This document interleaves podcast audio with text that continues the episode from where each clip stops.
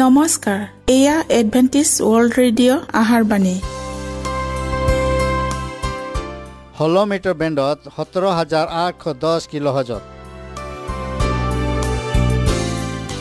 Adventist world radio যোগে অসমীয়া ভাষাত প্ৰচাৰিত আহাৰবাণী প্ৰত্যেক বুধবাৰ আৰু দেওবাৰ সন্ধিয়া সাত বজাত আহাৰবাণী শুনাৰ পিছত আপোনালোকৰ কিবা মন্তব্য আৰু প্ৰশ্ন থাকিলে আমালৈ এই ঠিকনাত লিখক। আমাৰ ঠিকনাটি হৈছে Adventist world radio' seven day Adventist মণ্ডলী অসম শাখা লতাকাটা বশিষ্ঠ গুৱাহাটী সাত আঠ এক শূন্য দুই ন।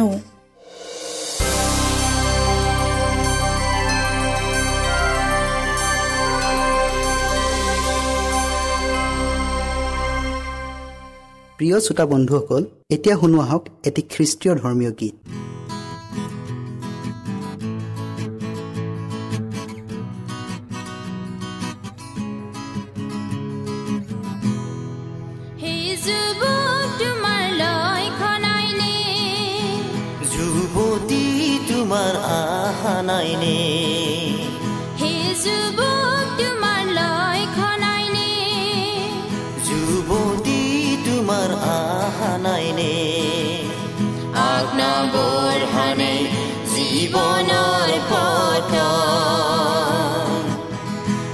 نبرهنه زیبا نار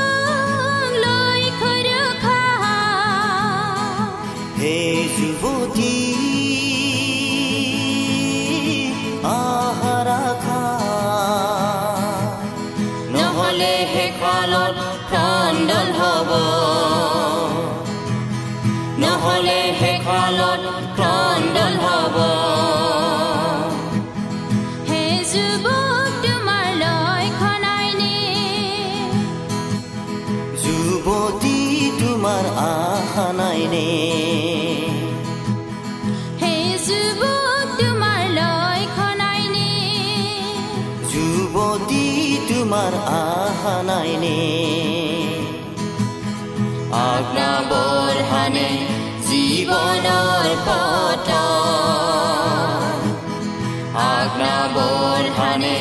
জীৱনৰ পথ।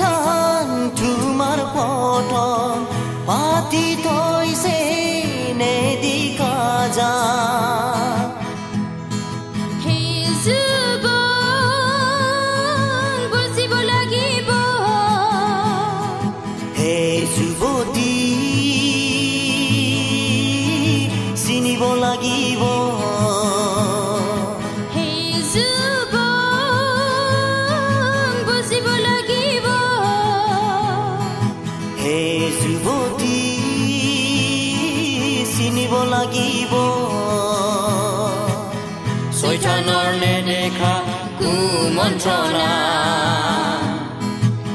চৈতানৰ নেদেখা কুমন্ত্ৰণা। সেই যুৱক তোমাৰ যুৱতী আশা নাইনে। যুৱতী তোমাৰ আজ্ঞা বৰ্ষানে জীৱনৰ পথ আজ্ঞা বৰ্ষানে জীৱনৰ পথ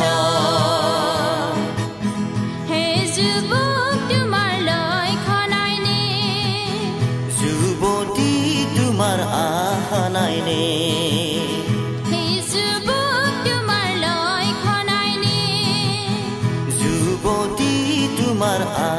নাইনে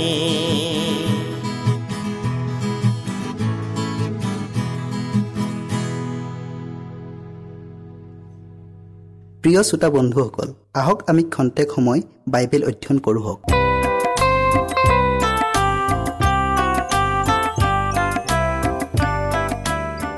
প্ৰকাশিত বাক্য চাৰি অধ্যায়ত এঘাৰটা পদত তেৰবাৰ সিংহাসন শব্দটো পোৱা যায়। ৰোম মহানগৰৰ বিখ্যাত চিষ্টাইন চেপল অৰ্থাৎ গীৰ্জাত পূপৰ সিংহাসন আছে। কিন্তু চতুৰ্থ অধ্যায়ত উল্লেখ কৰা সিংহাসন আমাৰ ত্ৰাণকৰ্তা প্ৰভু যীশুখ্ৰীষ্টীয়ৰ বগা ৰঙে ঈশ্বৰৰ পবিত্ৰতাক বুজায় আৰু ৰঙা ৰঙে ঈশ্বৰৰ ন্যায় বিচাৰক বুজায়।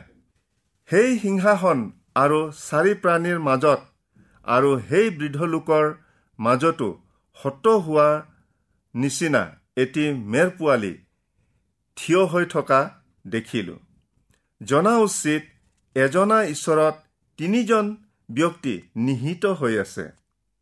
ঈশ্বৰ পিতৃ ঈশ্বৰ পুত্ৰ আৰু ঈশ্বৰ পবিত্ৰ আত্মা। ইয়াত হত হোৱা মেৰ পোৱালি যীশুখ্ৰীষ্টক বুজাইছে। সাত সংখ্যাই সৰ্বসিদ্ধি হোৱা বুজায়। সাতোটা চকু অৰ্থাৎ ঈশ্বৰৰ সৰ্বদৃষ্টিৰ বিষয়ে কৈছে। তেওঁৰ আগত কোনো বস্তুৱেই লুকাই থাকিব নোৱাৰে বা লুকুৱাই ৰাখিব নোৱাৰি। সাতোটা আত্মা যেনে জিহুৱাৰ আত্মা জিহুৱাৰ প্ৰজ্ঞা জিহুৱাৰ সুবিচাৰৰ আত্মা জিহুৱাৰ মন্ত্ৰণা জিহুৱাৰ পৰাক্ৰমৰ আত্মা জিহুৱাৰ জ্ঞান আৰু প্ৰভুলৈ ভয় জন্মাওতা আত্মা। সিংহাসনৰ চাৰিওফালে মেঘধনু আৰু চৌবিশজন বৃদ্ধ। এতিয়া এই বৃদ্ধকেইজন কোন তেওঁলোকলৈ চাওঁহক। মন্দিৰৰ আঁৰ কাপোৰ ওপৰৰ পৰা তললৈ ফাটি দূষিতা হ'ল। নিদ্ৰিত পবিত্ৰ লোকৰ অনেক শৌ তোলা হ'ল। এতিয়া এই পুনৰুত্থিত হোৱা পবিত্ৰ লোকবিলাক কলৈ গ'ল? ইয়াৰ উত্তৰ বিচাৰি পোৱা কঠিন নহয়। খ্ৰীষ্টীয়ৰ স্বৰ্গাৰোহণৰ সময়ত তেওঁবিলাককো স্বৰ্গলৈ তুলি নিয়া হ'ল। এইসকলেই সিংহাসনত বহা বৃদ্ধসকল। মেঘধনুৱে ঈশ্বৰৰ প্ৰতিজ্ঞা আৰু উদ্ধাৰক বুজায়। চৌবিশজন বৃদ্ধ লোকৰ উপৰিও প্ৰত্যেকৰে ছখনকৈ ডেউকা থকা চাৰিটা প্ৰাণী দেখা গ'ল। প্ৰথম প্ৰাণীটো সিংহৰ নিচিনা দ্বিতীয় প্ৰাণীটো দামুৰীৰ নিচিনা তৃতীয় প্ৰাণীটো মানুহৰ মুখ থকা আৰু চতুৰ্থ প্ৰাণীটো কোৰৰ পক্ষীৰ নিচিনা। জিহিচকেল ভাওবাদীয়েও এই প্ৰাণীবিলাকৰ দৰ্শন দেখিছিল। পাছত তেওঁ এইবিলাক কৰূপ দূত বুলি জানিছিল। মৰুভূমিত আৱাস তম্বুৰ চাৰিওফালে ইছৰাইলৰ তিনিটাকৈ ফৈদ নিজ নিজ চিহ্নিত পতাকাৰ তলত বাস কৰা স্থানবোৰ উক্ত চাৰি প্ৰাণীৰ প্ৰতীকেৰে দেখুওৱা হৈছে। আৱাস তম্বুৰ পূব ফালে সিংহৰ প্ৰতীক থকা পতাকা আছিল। আবাহ তম্বুৰ উত্তৰ ফালে উৰি থকা কোৰৰ পক্ষীৰ প্ৰতীক থকা পতাকা আছিল। আবাহ তম্বুৰ পশ্চিম ফালে হাড় গৰুৰ প্ৰতীক থকা পতাকা আছিল আৰু আবাহ তম্বুৰ দক্ষিণ ফালে মানুহৰ প্ৰতীক থকা পতাকা আছিল। এই চাৰি প্ৰাণীয়ে বা দূতে সেৱা আৰাধনাৰ যোগ্য কোন? দেখুৱাই দিছে। প্ৰকাশিত বাক্যত অধ্যয়ন কৰাৰ পূৰ্বেই নতুন নিয়মৰ প্ৰথম সুবাৰ্তাখনৰ অৰ্থাৎ মূৰ্তি লিখা চৌবিছ অধ্যায়ৰ প্ৰতি পূৰ্বজ্ঞান থকা আৱশ্যক। উভয় অধ্যায়তে যুদ্ধ বিগ্ৰহ সুৰামোৰা অকাল মহামাৰী ভূমিকম্প তাৰণা দুখ কষ্ট মৃত্যু ইত্যাদিৰ কথাবোৰ উল্লেখ আছে। মন কৰিবলগীয়া এই যে সাতোটা চাবৰ ভিতৰত চাৰিটা বিভিন্ন ৰঙৰ ঘোঁৰাৰ কথা উল্লেখ আছে। ইয়াৰ পাছত ঘোঁৰাৰ কথা উল্লেখ নাই বৰং তিনিটা চাপ বুলিহে উল্লেখ আছে। পঞ্চম অধ্যায়ত পাওঁ যে বন্ধ পুস্তকখন মেৰ পোৱালীৰ হাতলৈ হস্তান্তৰ কৰা হ'ল। যেতিয়া মেৰ পোৱালীয়ে সাতোটা চাবৰ এটা খুলিলে তেতিয়া চাৰি প্ৰাণীৰ এটাই মেঘ গৰ্জনৰ মাতেৰে মতাটোৱেই সেই সিংহৰ নিচিনা প্ৰাণীটো।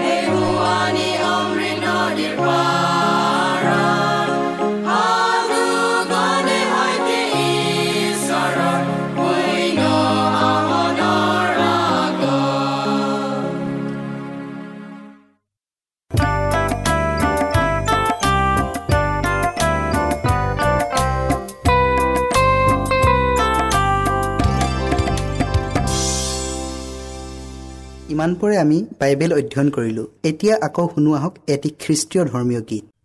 আজি আমি প্ৰকাশিত বাক্যৰ চতুৰ্থ ভাগ আলোচনা কৰিম। প্ৰথম চাব বগা ঘোঁৰা অশ্বাৰোহী ধনু আৰু কিৰিটি। জয় কৰি কৰি জয় কৰিবলৈ ওলাই গ'ল।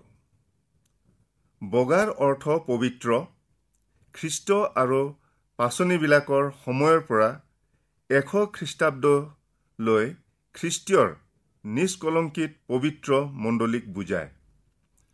ঘোঁৰাৰ অৰ্থ আগুৱাই যোৱা বা আগবাঢ়ি যোৱাক বুজাইছে। ইয়াত ধনুৱে কুশক্তিৰ বিৰুদ্ধে যুদ্ধ কৰি নাশ কৰা বুজাইছে।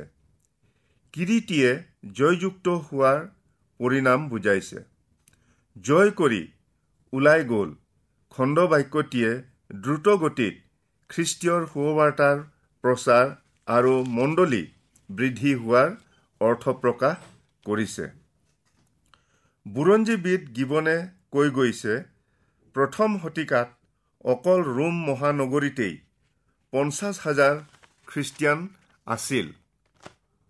মণ্ডলীৰ অখ্যাত নামী বিশ্বাসীবিলাকে দেৱপূজক আন্ত্যখীয়া নগৰত সুবাৰ্তা প্ৰচাৰ কৰিছিল য'ত প্ৰায় এক লাখ বিশ্বাসী লোক আছিল।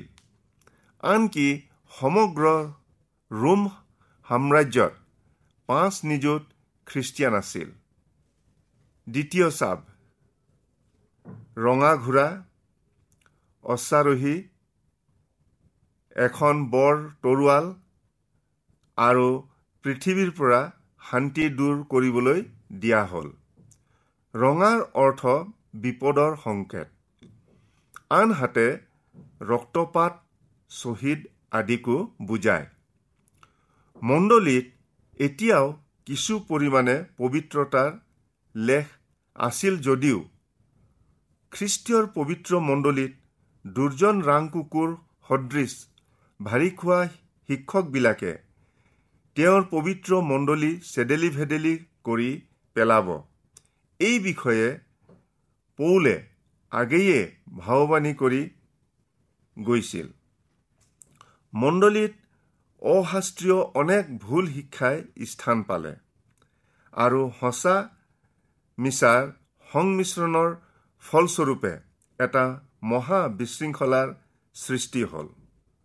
তৃতীয় চাপ কলা ঘোঁৰা অশ্বাৰোহী এখন তোলাচনী আৰু বৰ মাতেৰে দ্ৰব্য জোখাৰ সতৰ্কবাণী। বগা ৰঙৰ অৰ্থ পবিত্ৰ আৰু ই সম্পূৰ্ণ বিপৰীত ৰং কলা ৰং। এতিয়া খ্ৰীষ্টীয়ৰ মণ্ডলী সম্পূৰ্ণ মৃতপ্ৰায় অৱস্থাত। এই সময়ছোৱাত বাহ্যিকভাৱে নতুনকৈ খ্ৰীষ্টীয় ধৰ্মত দীক্ষিত হৈছিল ৰোমৰ সম্ৰাট কণ্টেষ্টাইন তেওঁৰ সময়তেই পবিত্ৰ মণ্ডলীত অনেক অশাস্ত্ৰীয় বিধি বিধানৰ শিক্ষাবোৰে স্থান পালে। পূপৰ সৰ্বজনীন আধিপত্যৰ বিকাশ ঘটাবলৈ কণ্টেষ্টাইনে ৰোমৰ দেৱপূজক সমাজৰ অখ্ৰীষ্টীয় অনেক নীতি নিয়ম খ্ৰীষ্টীয় ধৰ্মত সুমুৱাই পালন কৰিবলৈ বাধ্য কৰালে। তেওঁৱেই বিধৰ্মীবিলাকৰ সেৱা পূজা কৰা দেওবাৰ দিন ৰাজ আজ্ঞাৰে পালনৰ বাধ্য কৰি খ্ৰীষ্টীয়ৰ পবিত্ৰ মণ্ডলীত প্ৰথম অধৰ্মৰ প্ৰৱেশ ঘটালে। খ্ৰীষ্টীয় মণ্ডলীত ঈশ্বৰৰ পবিত্ৰ বাইবেল শাস্ত্ৰৰ সলনি পৰম্পৰাগতভাৱে চলি অহা কিংবদন্তী প্ৰবাদবিলাকৰ ওপৰত অধিক ভৰসা কৰিবলৈ শিক্ষা দিয়া হ'ল। ঈশ্বৰৰ বাক্যলৈ সম্পূৰ্ণ পিঠি দি মণ্ডলীত যুক্তিবিহীন ধৰ্মবিশ্বাস আৰু কুসংস্কাৰেৰে ভৰপূৰ কৰিলে। সাধু সন্ত মৃতকৰ স্মৃতি চিহ্নৰ প্ৰতি সন্মান প্ৰদৰ্শন পাৰ্গেটৰী নামৰ কাল্পনিক নৰক এখনৰ মত পোষণ জিৰচালেম নগৰৰ পবিত্ৰ ধূলি আৰু জন টেটজেল নামৰ নামী দামী ৰোমান কেথলিক এজনে খ্ৰীষ্টিয়ান সমাজক স্বৰ্গলাভৰ আশাৰ লোভ দেখুৱাই ক্ষমাপত্ৰ বিক্ৰী শোভাযাত্ৰা ইত্যাদি ইত্যাদি অগণন অশাস্ত্ৰীয় শিক্ষাত বুৰ গৈ খ্ৰীষ্টীয় মণ্ডলী মৃত্যুত পতিত হ'ল। ওপৰৰ বেহা বেপাৰৰ পাল্লাখনেই এইবোৰৰ প্ৰতীকস্বৰূপ আছিল। যিয়েই নহওক এই কলা ঘোঁৰাত উঠাজনক কিছুমান কাৰ্যত সীমাবদ্ধ কৰা হৈছিল। যেনে আন আন দ্ৰব্যৰ বেহা বেপাৰ কৰিলেও তেল আৰু দ্ৰাক্ষাৰহৰ ওপৰত ব্যৱসায়ৰ অধিকাৰ দিয়া নাছিল। কিয়নো তেল ঈশ্বৰৰ আত্মা আৰু দ্ৰাক্ষাৰহে আত্মিক আনন্দ বুজায়। এই দুয়োটা বস্তুৰ ওপৰত চৈতানৰ অধিকাৰ নাই। চতুৰ্থ চাপ নিস্তেজ ঘোঁৰা। নিস্তেজ ঘোঁৰা অশ্বাৰোহীজনৰ নাম মৃত্যু পৰলোকে অনুসৰণ কৰা তৰোৱাল আকাল মৃত্যু আৰু বনৰীয়া জন্তু বধিবৰ ক্ষমতা দিয়া হ'ল।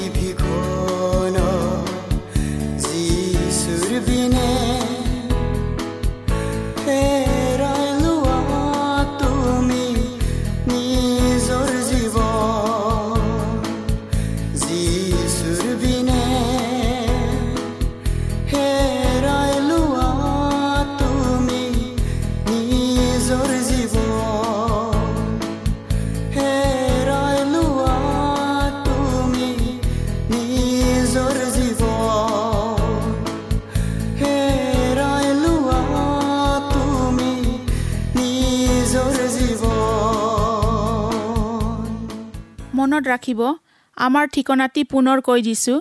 Adventist world radio' Assam region of seven day Adventist voice of hope Lotakata Basistha Guwahati seven eight one zero' two nine প্ৰিয় শ্ৰোতা বন্ধুসকল এডভেণ্টিজ ৱৰ্ল্ড ৰেডিঅ' যোগে আহাৰবাণী প্ৰচাৰত আপোনালোকক পুনৰ লগ পোৱাৰ আহাৰে আজিলৈ সামৰিলোঁ। ধন্যবাদ।